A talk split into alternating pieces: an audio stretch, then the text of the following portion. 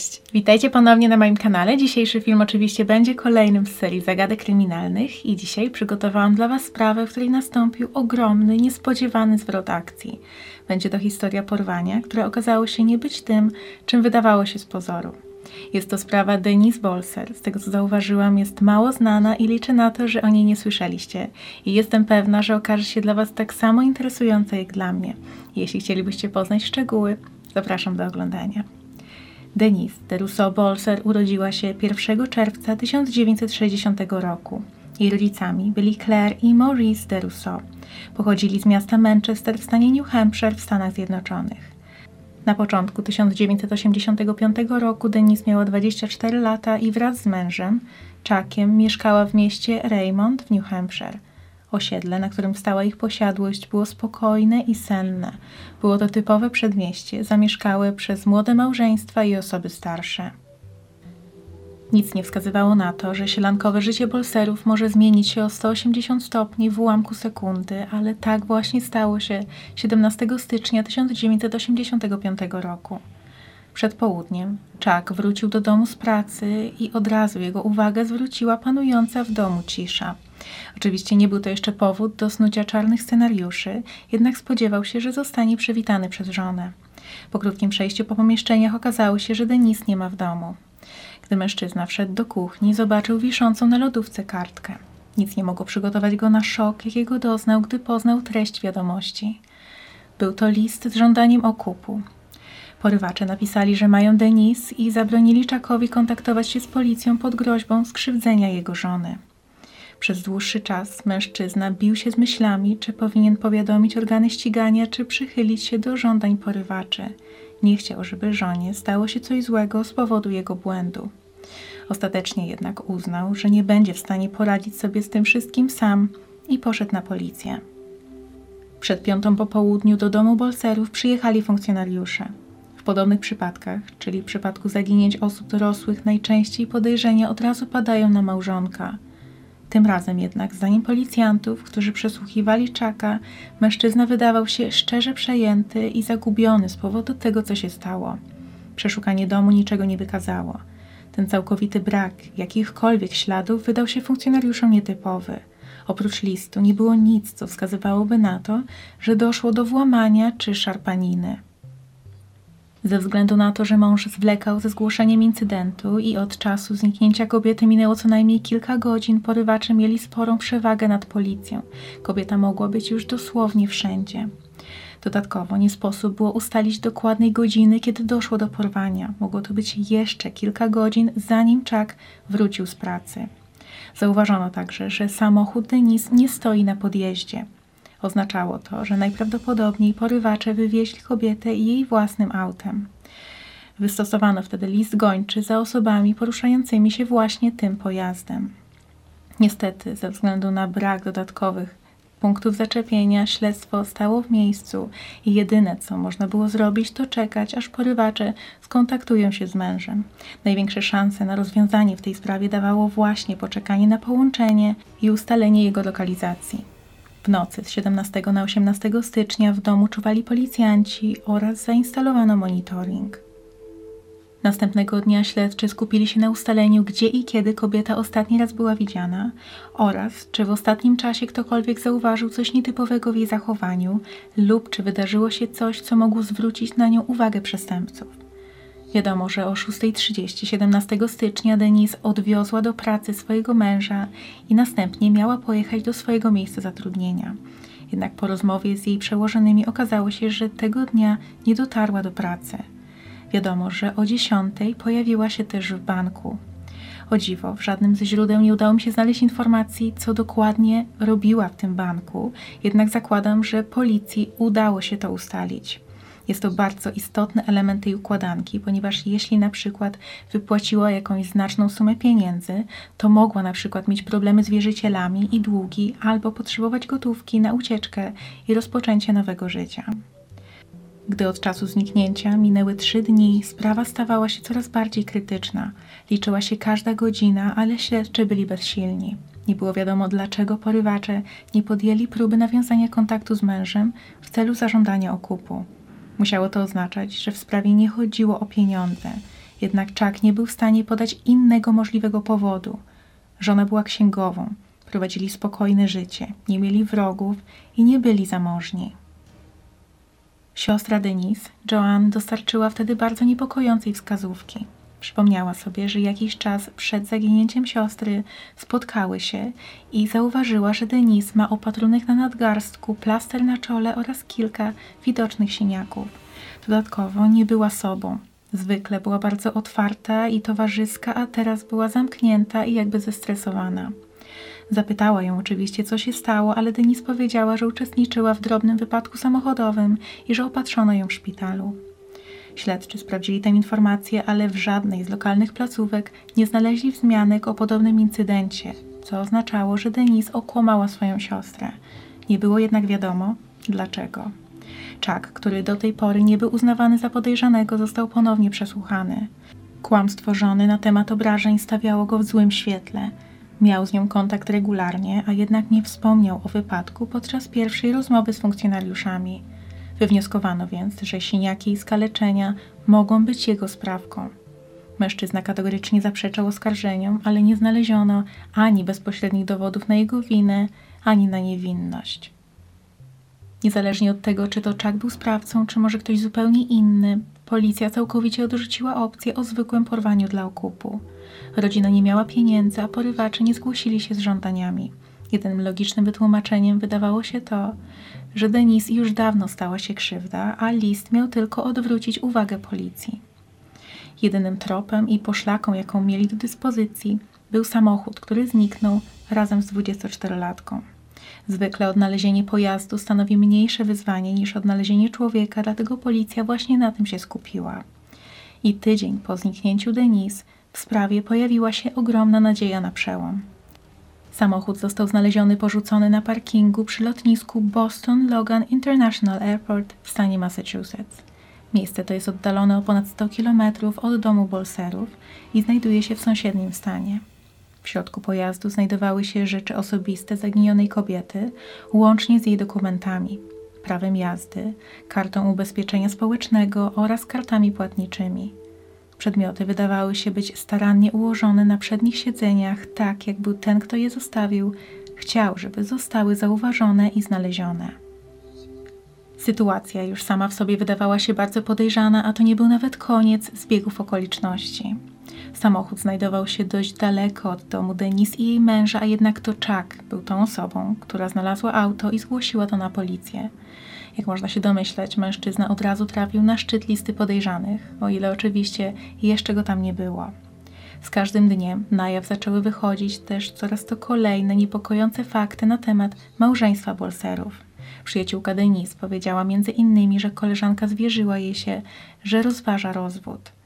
To w połączeniu z faktem, że Chuck zwlekał aż 6 godzin ze zgłoszeniem porwania żony na policję, sprawiał, że wydawał się albo być winny i zamieszany w tę sprawę, albo przynajmniej wiedział więcej niż mówił. Mężczyzna miał jednak solidne alibi, które udało się potwierdzić. Przez cały dzień był w pracy. Jednak alibi było ważne jedynie zakładając, że faktycznie doszło do porwania i że miało ono miejsce w ciągu dnia a wszystko, co było wiadome na temat tej sprawy, wynikało z zeznań samego męża, a on mógł kłamać. Mężczyzna został poddany badaniu wariografem i przeszedł je pozytywnie. Nie było wątpliwości, że mówi prawdę i nie ma z tym nic wspólnego. Trzeba jednak w tym miejscu wspomnieć, że wyniki nie są nieomylne i że można je oszukać. Na tej podstawie jednak śledczy oczyścili go z wszelkich podejrzeń. Kilka miesięcy po zaginięciu żony Chuck uzyskał rozwód bez konieczności zgody swojej małżonki. Tak jak wspomniałam już wcześniej, Denise pracowała jako księgowa i w ciągu swojej wieloletniej kariery była zatrudniona w kilku firmach. I to właśnie jej kontakty z przełożonymi i współpracownikami były jedynym punktem zaczepienia dla śledczych po wykluczeniu męża. Wyszło wtedy na jaw, że od pewnego czasu Denise była w napiętych stosunkach ze swoim aktualnym szefem i nawet niedługo przed swoim zaginięciem doszło między nimi do głośnej kłótni, której świadkami było kilku innych pracowników. Wtedy właśnie po raz pierwszy pojawiły się podejrzenia co do potencjalnych nielegalnych działań w pracy. Nie było jednak wiadomo, czy to Denise niepoprawnie wykonywała swoje obowiązki, czy może odkryła jakieś działania szefostwa, o których nie powinna wiedzieć. Logicznym kolejnym krokiem dla śledczych było przyjrzenie się przełożonemu kobiety. I wtedy okazało się, że rzeczywiście prowadzone przez niego interesy nie zawsze były przejrzyste i legalne. Po przyjrzeniu się dokumentacji nie znaleziono jednak żadnych oczywistych tuszowań. Bez dwóch zdań w firmie prowadzona była tak zwana kreatywna księgowość. Jest to prezentowanie zdarzeń gospodarczych wykorzystując obowiązujące przepisy, a czasem celowe wprowadzanie rozwiązań mających na celu zmniejszenie opłat lub wyłudzenie zwrotów podatku. Bardzo możliwe, że Denise była jedną z lub główną osobą odpowiedzialną za te działania. Pojawiło się wtedy pytanie, czy mogła wiedzieć za wiele, szantażować szefa dowodami, które mogłyby go pogrążyć i przez to stała jej się krzywda. W 1986 roku, czyli rok po swoim zaginięciu, Denise oficjalnie została oskarżona o zdefraudowanie prawie 12 tysięcy dolarów z firmy, w której pracowała jako księgowa. Ze względu jednak na swoją nieobecność nie mogła stanąć przed sądem i z tego także powodu nie mogła się bronić ani tłumaczyć. Jej rodzina jednak zażarcie jej broniła. Twierdzili, że kobieta nie byłaby w stanie dokonać kradzieży. Dodatkowo mieli nadzieję, że to właśnie problemy w pracy były powodem, dla którego chciałaby zniknąć i rozpocząć gdzieś nowe życie. To wszystko były jednak tylko teorie. Mijały kolejne miesiące i lata, a rozwiązanie wydawało się być coraz dalej. Dopiero pięć lat po zaginięciu, czyli w 1990 roku, pojawiła się pierwsza obiecująca poszlaka i nadzieja na przełom. Na policję spłynęło zgłoszenie od osoby twierdzącej, że Denise pracuje w pralni w stanie Massachusetts. To zgłoszenie było wyjątkowo wiarygodne, ponieważ akurat z tej konkretnej pralni bardzo często korzystali lokalni funkcjonariusze policji i to właśnie jeden z nich rozpoznał kobietę na zdjęciu osoby zaginionej. Na miejsce przyjechali policjanci, którzy pracowali nad tą sprawą od lat i gdy tylko zobaczyli kobietę, od razu wiedzieli, że zgłoszenie nie było prawdziwe i że to nie jest kobieta, której szukają. Mimo ogromnych nadziei, sprawa znowu znalazła się w punkcie wyjścia. Musiało minąć jeszcze pięć lat, żeby śledztwo znowu nabrało tempa. Wtedy dane Denise już od 10 lat znajdowały się w bazie i były regularnie porównywane z opisami niezidentyfikowanych kobiet znajdowanych na terenie New Hampshire i sąsiednich stanów. Za każdym razem kończyło się to brakiem dopasowania, co z jednej strony przynosiło ulgę rodzinie i śledczym, którzy trzymali się nadziei, że kobieta żyje, ale z drugiej strony wszyscy chcieli w końcu dowiedzieć się, co się z nią stało. Nagle w 1995 roku po porównaniu rejestrów dentystycznych Denise i jednej z niezidentyfikowanych kobiet znaleziono dopasowanie. Zgadzał się rozstaw zębów i wszystkie wypełnienia. Później jednak po dokładniejszej analizie okazało się, że różni się kształt jednego z zębów, co wykluczało, żeby mogła to być ta sama osoba. Policja po raz kolejny została z pustymi rękami i na kolejny ruch w sprawie trzeba było czekać 8 lat. Wtedy od czasu zaginięcia kobiety minęło już 17 lat i mało kto wierzył, że sprawa może doczekać się pozytywnego finału. Nadzieję dawało jednak pojawienie się internetu i nowych metod śledczych. Zdecydowano się na założenie strony internetowej w całości poświęconej Denise Bolser.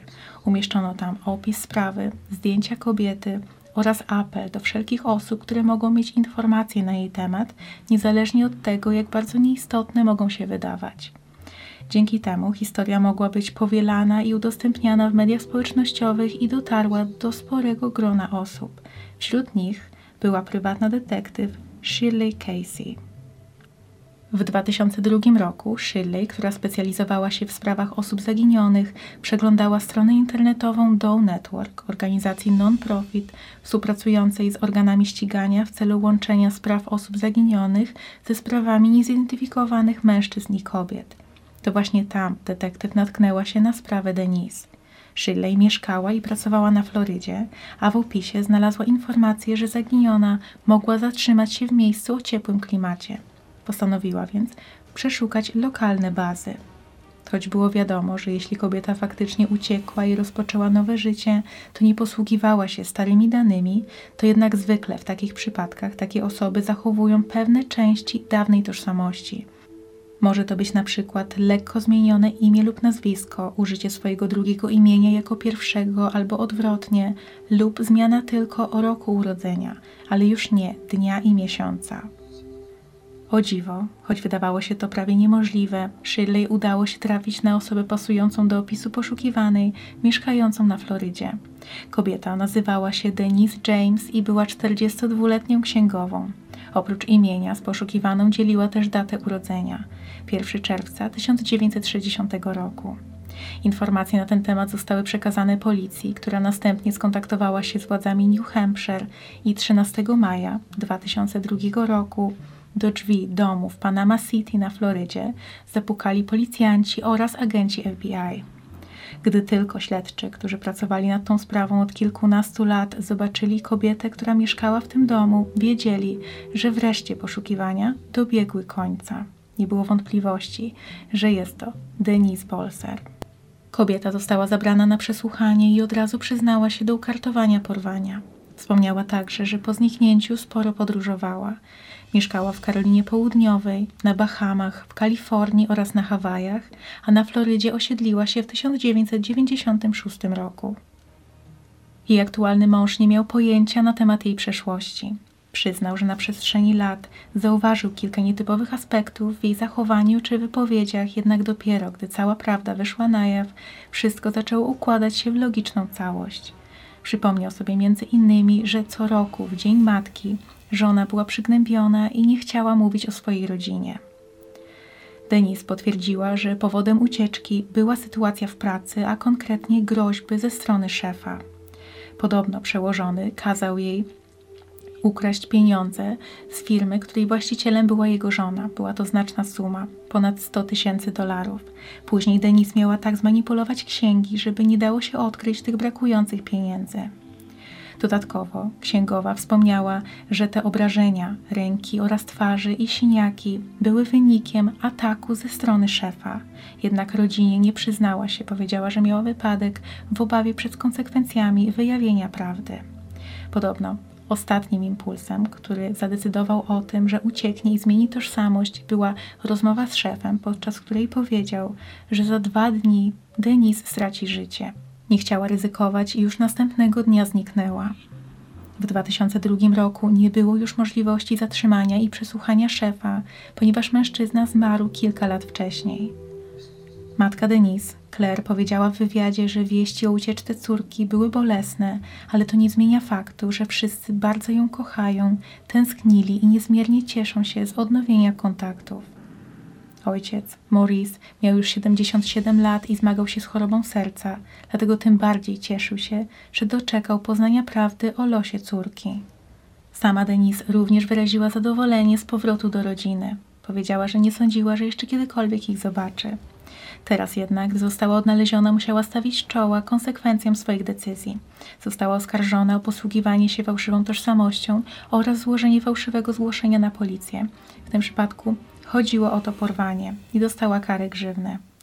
Cała ta sprawa ma więc słodko-gorzkie rozwiązanie. Z jednej strony rodzina przez wiele lat cierpiała, przez prawie dwie dekady pozostawała w niepewności, jednak z drugiej strony Finał był w miarę pozytywny. Okazało się, że kobieta jest cała i zdrowa. I to zdecydowanie jest lepsze rozwiązanie, niż gdyby faktycznie została porwana. Często opowiadam podobne historie, czyli zniknięcia, w których pojawiają się podejrzenia, porwania albo nawet listy z żądaniem okupu, ale porywacze nigdy się nie odzywają. W takich przypadkach pojawiają się teorie mówiące właśnie o potencjalnym ukartowaniu tego porwania przez samego zaginionego. Większości przypadków okazuje się niestety, że było inaczej, albo nigdy nie dochodzi do rozwiązania. Jednak takie sprawy jak ta, jak sprawa Denise Bolster, dają nadzieję rodzinom, które cały czas czekają na odpowiedź w sprawie losu swoich bliskich. Można oczywiście zastanawiać się, czy decyzja Denise o zniknięciu była słuszna. Może gdyby zgłosiła te pogróżki ze strony szefa na policję, to wszystko skończyłoby się inaczej. Jednak z drugiej strony nie ma gwarancji, że uzyskałaby pomoc i może skończyłoby się to tragedią. Dajcie mi znać, co Wy o tym sądzicie. Jeśli także macie propozycje, o jakich innych sprawach mogłabym powiedzieć w kolejnych odcinkach z tej serii, to dajcie mi proszę znać w komentarzach.